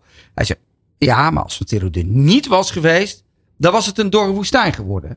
Nou ja, dat kan je zeggen, maar ja, dat zijn als dan. Is as if history, dat weten we niet. Dat, Nee. kunnen we niet. dat kun je niet weten. Ik denk wel dat Van Tillo eh, nodig was om het medialandschap te verbeteren. Want het was één grote puinzooi. Als je kijkt naar als je ziet hoe het PCM eh, Het was verschrikkelijk. behandeld is door die Engelsen. Dat is verschrikkelijk. helemaal kapot gemaakt. Die hebben, die hebben, die hebben het, ik, ik beschrijf het ook als een karkas. En ik beschrijf ook de totale troep die ze achterlieten. En ook de totale eh, mismanagement. Hè. Theo Bouwman, hè, die heel, het heel stoer doet. Hè, van, ah, die moet niet aan die Belgen geven. Die gaan aan de keukentafel bepalen wat ze moeten doen. In- Ik heb het boek gelezen. Aan het eind vraag ik wel aan Bouwman van... Vond je dat nog niet wat al te hard? Want kijk eens wat, wat je met die bij Apex hebt achter. Daar zei hij, hij was niet mijn finest hour. Dus Over een statement gesproken. ja, dat, dat- dat is een verschrikkelijke statement. Nee, maar met andere woorden, Ja. Van Tillo eh, was, was nodig om de zooi op te ruimen. Dat heeft hij goed gedaan. Toen heeft hij zijn, zijn, laten we zeggen, zijn management gebouwd. En nu is de tijd, wat mij betreft, om de vraag te stellen. Lieve man, ben je niet te groot gegroeid? En heb jij je eigen oppositie goed geregeld? Dat is waar dit boek over gaat. Ik Maar vind in dat hele oh, ja. valide vragen. En we hebben nu al wel veel te veel tijd tekort. Jammer, jammer, jammer. eh, eh, door het format. Anders komen we nog en nu nog weer minder terug. tijd. We- Maar ja. luister, ik wil in ieder geval één vraag aan jou stellen. Eh Dat geven we helemaal onderkant op. Onlangs stond er een eh, pagina grote advertentie Ja. voor jouw boek. In het Algemeen Dagblad. Het is in België is het geweigerd en dat soort dingen. Het stond op de verkeerde pagina. Daar gaat het mij helemaal niet Nee. om. Waar het mij om gaat, is dat jouw uitgever blijkbaar een godsvermogen investeert om promotie te maken voor je boek. Ja. Daar mag je blij mee zijn. Ik ben ontzettend blij. Maar wat kost het wel niet, een achterpagina AD? Ik heb geen. Ik, nou ja, kan ik je dit vertellen? Of heeft dat ook in. oh, die brieven voor mij ook wel online gestaan. En ik geloof dat er onwijze korting is. eh, eh, Ja, dat weet ik. Heel veel korting. Oh, dat weet jij ook. Opmerkelijk, zou je zeggen. Opmerkelijk. Ja, opmerkelijk. Nou, de omstandigheden. nou, omdat het werd aangeboden toen ik nog een type was. Want ik, ik heb boek afgemaakt van Palermo. Ah, ze wisten van niks. Ze wisten van niks. Oh, dus dit, wat een dit- ik, geloof, ik geloof dat het op, op 20. Ik, ik hou me te goede, maar het is aangeboden toen ik het boek nog niet eens af had. Dus toen was ik in, in Palermo aan het Je herschrijven. ging schrijven 20.000 euro? Ik, ik heb Dat zou zomaar idee. kunnen. Ik, Oh, dacht, je, dacht je dat, dat je dat ging zeggen. dat Nee, ik heb geen idee hoeveel Oh. ze betaald hebben. Ik heb me daar ook helemaal niet mee bemoeid. Sterker nog, ik wist niets van die advertentie van de inhoud ervan. Daar heb ik me ook echt niet mee bemoeid. Dat moet je geloven. We Ja. zijn nog wel bezig. En dat is wel een primeurtje hier. Dat die rotzakjes van de, de morgen, die weigeren. Ja. Dus dat, Ja. dat, dat gaat wel oplopen. Dus kijk, het, het is mooi. En het is ook voor mij meer jullie métier dan mijn métier. Dat de, de, de, de Nederlanders, dat is ook wel een mooi verschil tussen Belgen en Nederlanders. De Nederlanders gooien het gewoon op de poen. Daar hou ik ook van. Te zeggen van, ja, maar, maar wacht nou eens even. Wij weigeren dit, want er is iemand die meer biedt. Nou, of dat kan, dat weet ik niet. Dat kunnen jullie bepalen. Is dat zo? Heb je er allerlei, hè, dat iemand zegt... ik Nou, dat soort dingen bestaan wel, ja. die bestaan Ja. wel. Nou goed, Ja. Toen hebben we dus, of hey, ik niet, maar heeft uh, Mai Spijkers, geweldige uitgever toch, dat hij dit lef Ja, heeft. eh, Zeker. Tof. Fantastisch. Maar ik vind Mai ook fantastisch. En Mai vond het ook een boek dat geschreven moest worden, omdat hij, hij heeft ooit bij Meulenhof gewerkt, hè, onderdeel van het grote rotte PCM. Dus het is ook een klein beetje wraak van hem op die, op die hon- honden. Denk je dat hij het privé betaald heeft? Ik heb geen idee. Vind, ja, ik Het doet het er ook helemaal niet toe. Ja, je ziet toch nooit een pagina grote advertentie voor, voor, voor een boek? Helemaal zo specifiek Nee, dit. nee, ja, dan maar misschien een ja, roman hallo, of maar- zo. maar, eh, Kijk, ze Mai- hadden, kijk, ik ben Maar je hebt wel gevoel voor, voor eh, publiciteit. Hè? Die weten ook wel dat er gesodemiet aan komt. Nou ja, Maar ze die, weigering in België, dat is natuurlijk de betere publiciteit kan je gewoon niet Ja, krijgen. klopt helemaal wat je zegt. Maar die Belgen, en ik, kan me, ik maak het even af, die Belgen die gaan, gebruiken een inhoudelijk argument. Die zeggen namelijk dat er onjuistheden in het boek staan. Dat mag je vinden. En er staan absoluut onjuistheden in het boek. Maar moet je ze wel even adresseren. En in de kleine lettertjes kan dat geen, exclu- eh, kan dat geen ontbindende voorwaarde zijn. Dus die Belgen, dat zie je ook, dat, dat was een heel raar stuk. Dus het is een recensie over het boek, geschreven door iemand die in het boek wordt aangepakt, wat ik al een hele rare vorm vind. En die zet dan onder, onder die recensie, ja, by the way, we ook een advertentie we geweigerd, want eh, in dit boek staan uh, feitelijk onjuistheden, die die niet adresseert. Dus het is een heel raar, gek construct om dit te weigeren. Ik heb één eh, laatste vraag. En dat heeft te Ja, jammer hè Bas. Maar dat heeft te, is maken, dat heeft te maken met eh, Guido van Nispen. Die was ooit, die ken je waarschijnlijk wel. Ja. eh, nou goed. Hij schreef dat in de Nederlandse media ontbreekt het te vaak aan transparantie, degelijk bestuur en zelfkritiek. Dat is de belangrijke boodschap in het laatste boek van Mark Koster. Heeft hij het hier bij het rechte eind? Is dit, is Nou, dit een... Ja, dit is een leider. Ja, dat kan ik alleen maar Jaap zeggen. Dat is een, de, de bal ligt op de stip. Het is, is, is geen keeper in doel. Deze bal, ja, zeg ik ja op. Ehm, ja, dus ik, ik, dat is de reden dat ik het geschreven heb. Maar ik, kijk, ik hoop nu ook echt, en dat zie je al gebeuren. Hè, deze week twee belangrijke momenten. Het eerste moment is dat er bij het Brabants Dagblad, dus een hoofdredacteur, Karin Smolders, die in het boek staat, beschreven als een van de luitenanten van Van Tillo, die dus hard ingrijpt, wat mij betreft te hard, ligt onder vuur. 13 mensen zijn daar opgestapt, die, of in de korte tijd opgestapt. Er ligt een dossier tegen haar. Dus je ziet dus al dat het naar buiten komt. Ik ben gebeld door iemand van NOS. Die zei van nou, eh, goh, moeten we dit serieus nemen? Hoe groot is dit probleem? Nou, ik zei ja, zoek het zelf lekker uit. Ik heb nummers gegeven, dus dat is één. En twee, wat interessant was, was dat RTL dat bericht even online had gezet. RTL, komende mogelijke partner van DPG. En dat weg had gehaald. Nou was er niets aan de hand. Want RTL laat alle berichten van de ANP inlopen. Dus ook dit. En ze halen het dan weg als ze het niet interessant vinden. Dus dat is de, de industrie van de dode, dode linkjes. Ehm, ik geloof ook echt dat ze dit te klein vonden. Maar wat je dus wel ziet is dat die druk van DPG. En dat gaat gebeuren op RTL. Op het RTL Nieuws. Ja, jongens, let goed op. Die zal toenemen. Net als dat bij VTM gebeurde. En het laatste nieuws. Dus dat is ook de reden dat ik het geschreven heb. Want dat, moeten we toch, moeten we niet willen. Je wilt toch een RTL Nieuws dat ze eigen afwegingen maakt. En dat daar verder niemand tussen zit. Dus dat is mijn laatste boodschap. Jongens, eh, verderop hier opletten. Dankjewel, Mark. Luister, eh, eh, dames en heren, ik zou willen zeggen: eh, eh, het boek De Belg van Mark Koster ligt in alle boekwinkels. Trek je eigen conclusies en geniet. Dankjewel, Mark. Dit is Marketing Report op Nieuw Business Radio. Ja, en eh, weet je, we bewaren natuurlijk altijd het lekkerst voor het laatst, dames en heren. En daarom zit Patrick Krul, eh, Global Head of Marketing Technology bij Danone, bij ons nu aan tafel. Welkom. Nou ja, geweldig om hier te zijn. Dankjewel. Eh, ja, nou ja, het, is, eh, ik zei het al, heel lekkers voor het laatst. En ehm, eh, wat ik ook heel lief vind, dat jij ook heel veel lekkers hebt meegenomen voor ons. High Pro eh, van Danone, 25 gram proteïne in het flesje. Dat Wij, betekent, eh, wij gaan hardlopen en wij, dan... wij, wij gebruiken dit door mijn kinderen. Die zitten dan eh, elke dag in de sportschool. blablabla, En dan, die hebben dan daar niet dit, maar uit een, een, een wel van Hypro, maar uit een pakje. Ja, dat kan. We hebben een eh, eh, vrij breed eh, productassortiment en eh, keuze Ja. daarin. Wat is dit eigenlijk? Uh, Hypro is een eh, van onze merken binnen Danone. Ehm en eh, eh, het eh, focust zich voornamelijk op eh, ehm, eh, herstel voor bij het sporten. Überhaupt sport. dus kijken naar beweging. Beweging is gezond. Een van de elementen waar ook Danone zich op focust. Op gezondheid. Ehm, en natuurlijk neem je niet alleen eiwitten tot je bij het sporten. In principe verbruik je ook eiwitten door middel van je dagelijkse bewegingen. En eh, altijd goed om eh, een, eh, een voldoende level van proteïne binnen te hebben. Ja, het is super hip. En het betekent ook dat je dan een extra hoge marge hebt. Met zo'n soort zo, hips en nieuws. Nou, dat zou je meer aan onze finance team moeten vragen. dat Maar, weet je toch wel? Daar, nee, daar hou ik mij niet mee bezig. Oh. Maar het gaat weer helemaal anders, hè, omdat Bas, Bas met, met zijn ongebreideld enthousiasme weer volop begint te hakken. Ja, ik vind het Want namelijk, eh, wij vragen onze gasten altijd om zich even kort voor te stellen. En dat is bij jou niet anders, eh, Patrick. Nou, dat doe ik natuurlijk hartstikke graag. Fijn. Nou goed, eh, Patrick, je hebt mezelf net al voorgesteld. Ja. Ehm, bij naam en achternaam. Ehm, eh, inmiddels bijna 4,5 jaar actief binnen Danone als eh, Global Head of Marketing Technology. En tezamen met het team van product managers zijn wij wereldwijd verantwoordelijk eh, voor wat wij noemen digital products. En als we het hebben over digital products, dan hebben we het over bijvoorbeeld marketing automation, content, identity management, direct commerce. Ehm, en eh, eh, kijken naar de performance daarvan. En nou ja, goed, ik, denk, ik praat maar even verder.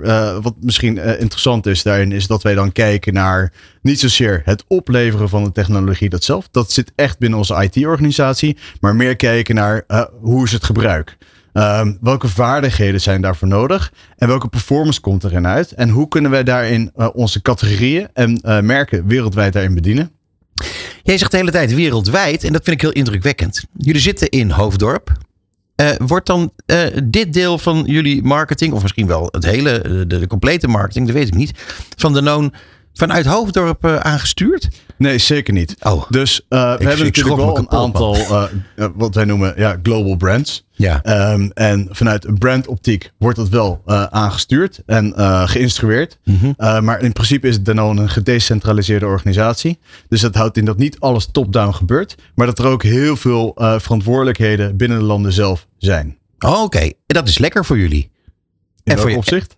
Nou ja, ik bedoel, het is toch veel fijner wanneer, dat je, dat je uh, zekere uh, autonome manier van werken erop na kunt houden. Dat je zelf met je ideeën kunt komen, dat je zelf de dingen kunt implementeren. In plaats van dat alles vanuit het buitenland komt.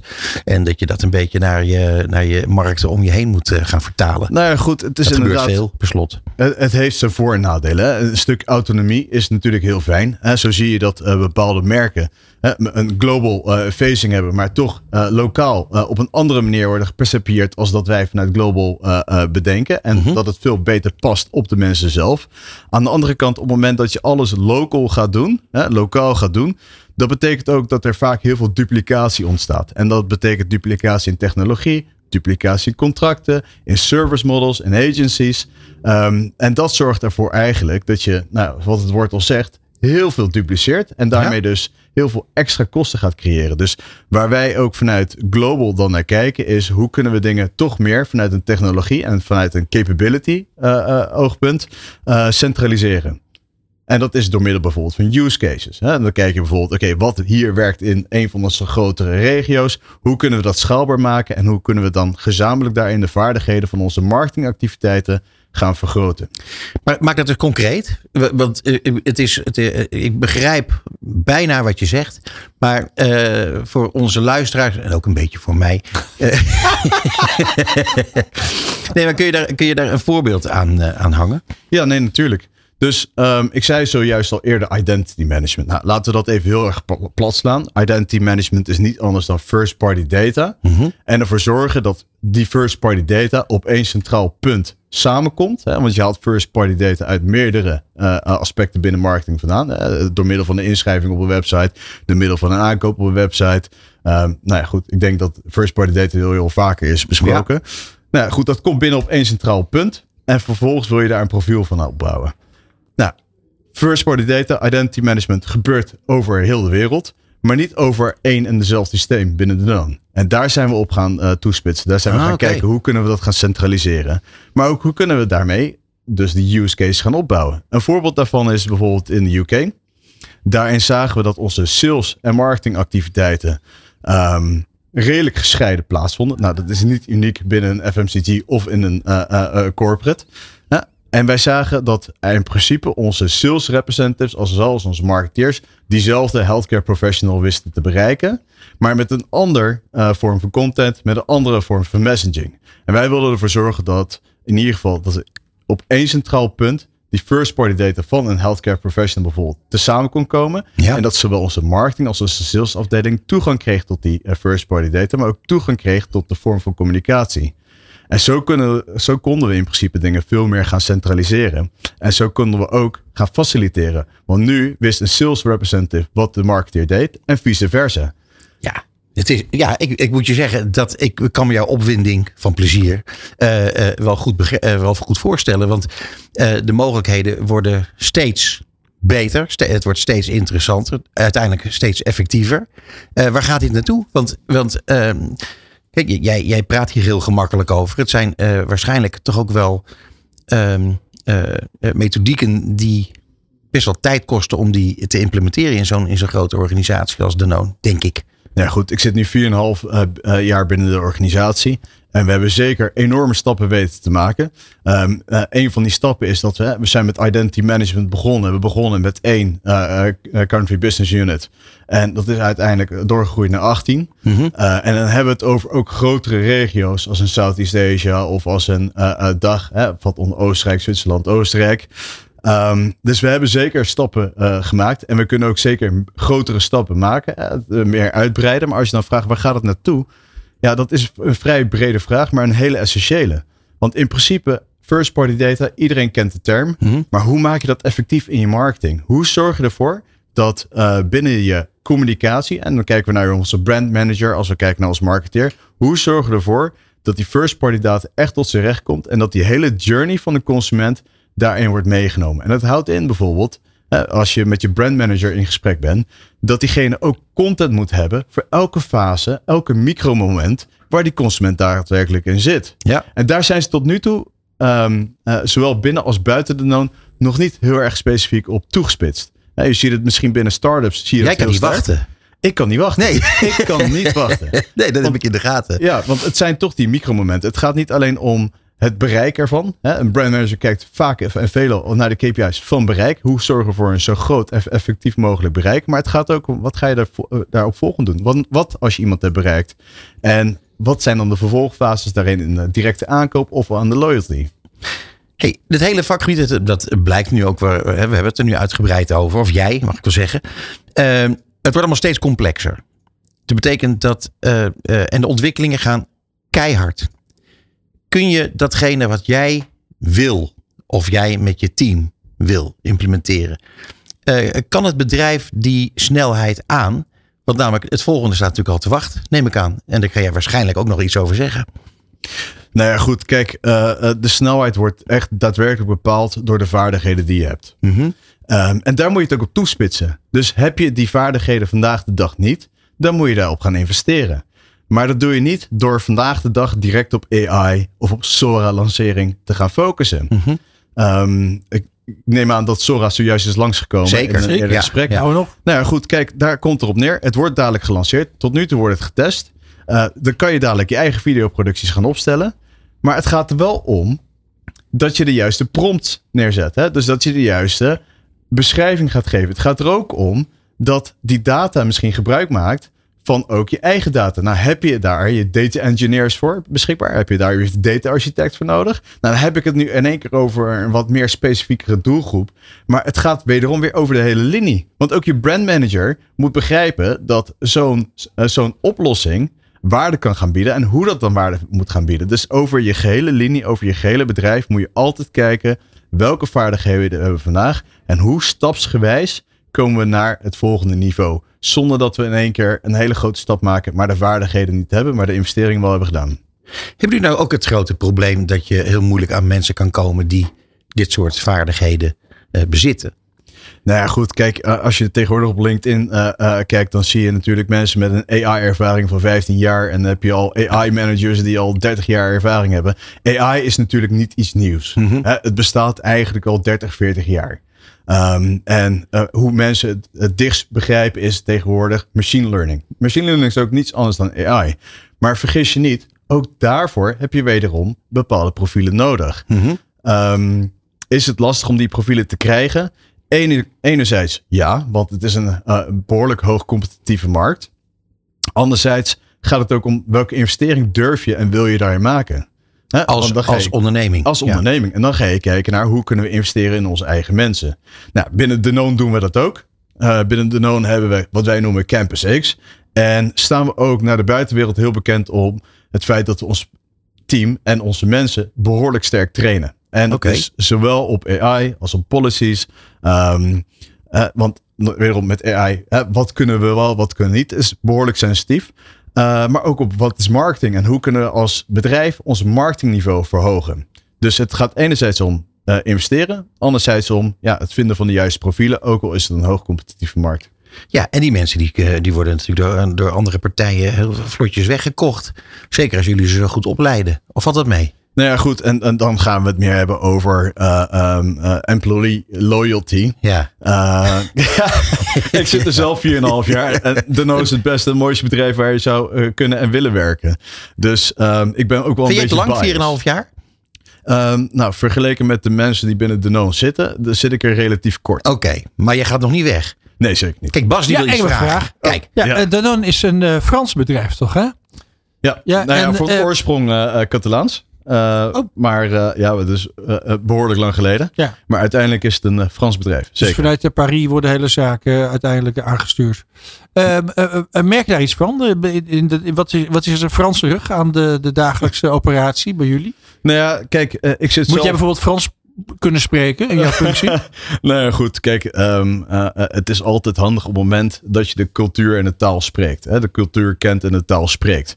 Ehm, maar Danone heeft in principe drie headquarters. Eentje in Singapore, eentje in eh, ehm, Amsterdam en eentje in Parijs. Wow. En in dat, Dat geval, wist ik niet. In dat geval is eigenlijk gewoon de meest gebruikte taal is gewoon Engels.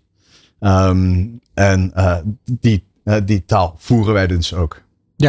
Dus je hoeft geen Frans te spreken. Dus je hoeft geen Frans te spreken. Ah. Nee. Dat is wel een mooie taal. Is Ja. een waanzinnig mooie taal. Daar is Zeker. geen woord Frans bij, zou ik willen zeggen. Ehm, als je kijkt naar die eh, eh, technologie en data. eh, we hadden het al even over dat het allemaal zich heel snel ontwikkelt. Is er iets waarvan jij zegt van het eerste waar we tegenaan gaan lopen eh, in, de, in de nabije toekomst is dat of dat? Nou, dat vind ik een hele goede vraag. Kijk, waar we überhaupt tegenaan lopen, is natuurlijk. Ehm, het is een, wat ik al eerder zei, hoogcompetitieve markt. Eh, En dat is het zowel in, in, in het kader van eh, de profielen, de mensen die je hebt, maar ook in het kader van ehm, hoe verbind ik mijzelf aan de consument? Hoe zorg ik ervoor dat op het moment dat de consument een bepaald behoefte heeft, dat ze precies weten welk dienst of welke waarde mij een van onze producten kan leveren. Dus eh, ja, de uitdaging waar wij tegenaan lopen is natuurlijk enerzijds content. Hè, hoe zorgen we dat we tastbare content hebben die onze consument aanspreekt, maar ook enthousiasmeert om zich te verbinden aan een van onze producten. En binnen Danone hebben we een vrij breed productcategorie ehm, en een vrij breed productportfolio. Dus over al die producten moeten wij ehm, eh, heel specifiek en heel secuur te werk gaan naar de toekomst toe. Van hoe communiceren we? Een van de voorbeelden die ik daar kan geven is. Als je kijkt naar ehm, onze in Nederland bekend Nutrilon. eh, buiten Nederland bekend als Aptamil. Naar onze eh, babyformule. Dan hebben wij daar een servicelijn aan verbonden. Dus in Nederland kan je 24-7 kan je Nutrilon opbellen. En krijg je iemand te spreken. eh, die jou kan helpen in jouw, ehm, in jouw fase. Ja. en dat kan eh, verschillende fases zijn. Ehm, Tuurlijk. En in die fase. En een hele belangrijke. Absoluut. En, Ja. en dat is nu een persoon. Maar dat zou ook een AI-chatbot kunnen zijn. En dan begeef je je in één keer op heel gevaarlijk terrein. Dat denk ik ook. Want ehm, hoe gaan we daarin opereren? Ja. Hoe zorgen we dat de juiste advies wordt gegeven? Dat de juiste juridische eh, eh, afkadering daar is. Dus ja, er blijven altijd dingen wat voor ons in de toekomst eh, een uitdaging zal zijn. Ja. Maar ja, daar gaan we ja, voor natuurlijk. precies. We voor. Het is ontzettend mooi om te zien, Patrick, eh, eh, jouw gedrevenheid, jouw eh, passie, jouw liefde voor het marketingvak. Je, je, je praat daar ja, echt, echt zeer begeesterd, om met een mooi Germanisme te komen, over. En dat heb ik enorm op prijs gesteld. En ik kan aan Bas zien, die net een slokje heeft genomen van de Oh, Hypo. lekker, joh. ja, Dat was dat zag ik. Heerlijk. Maar ik eh, wil je ontzettend bedanken voor, eh, voor je komst in de studio en voor dit eh, plezierige gesprek. Eh, we zijn nog lang niet klaar, dus we gaan eh, op een ander moment met elkaar verder praten. Dankjewel. Ontzettend bedankt. En Dit is Marketing Report. Met Peter Wiebinga en Bas Vlucht.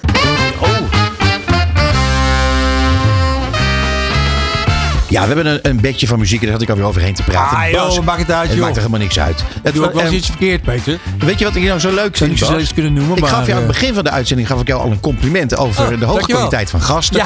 En eh, dat is allemaal Bewaarheid. gewoon, eh, dat is allemaal bewaarheid. En Jazeker. Dus eh, nogmaals, eh, goed gedaan. Ehm, eh, Mag ik de groeten doen? Nou, doe maar, ja. Ja, ik wil graag de groeten doen aan eh, onze commercieel directeur Erik-Jan Vis. Ja. Die op dit moment, hij had hier heel graag willen zijn, maar hij is in de Botnische Golf. Eh, helemaal in Noord-Zweden, want dan gaat hij eh, schaatsen. Ja, inderdaad. Dus eigenlijk is daar nauwelijks sprake van golf. Maar goed, Ja. we hebben heel weinig tijd, zie ik wel. Dus we Oh, moeten, jammer. eh, ik wil graag iedereen bedanken die in deze uitzending was. Ja, en eh, wel natuurlijk een eh, containerbegrip. de Iedereen er past echt van alles in. Ja, inderdaad. Zeg Bas, Ja. eh, hartstikke fijn, leuk. Wij eh, spreken elkaar volgende maand weer. Dankjewel voor het luisteren. Tot zover Marketing Report op New Business Radio. Alle gesprekken zijn terug te luisteren via podcastkanalen als Spotify, Duke of Apple Podcasts. Komende maand zijn we er weer op de derde dinsdag van de maand. Tussen half zeven en acht uur. Tot dan.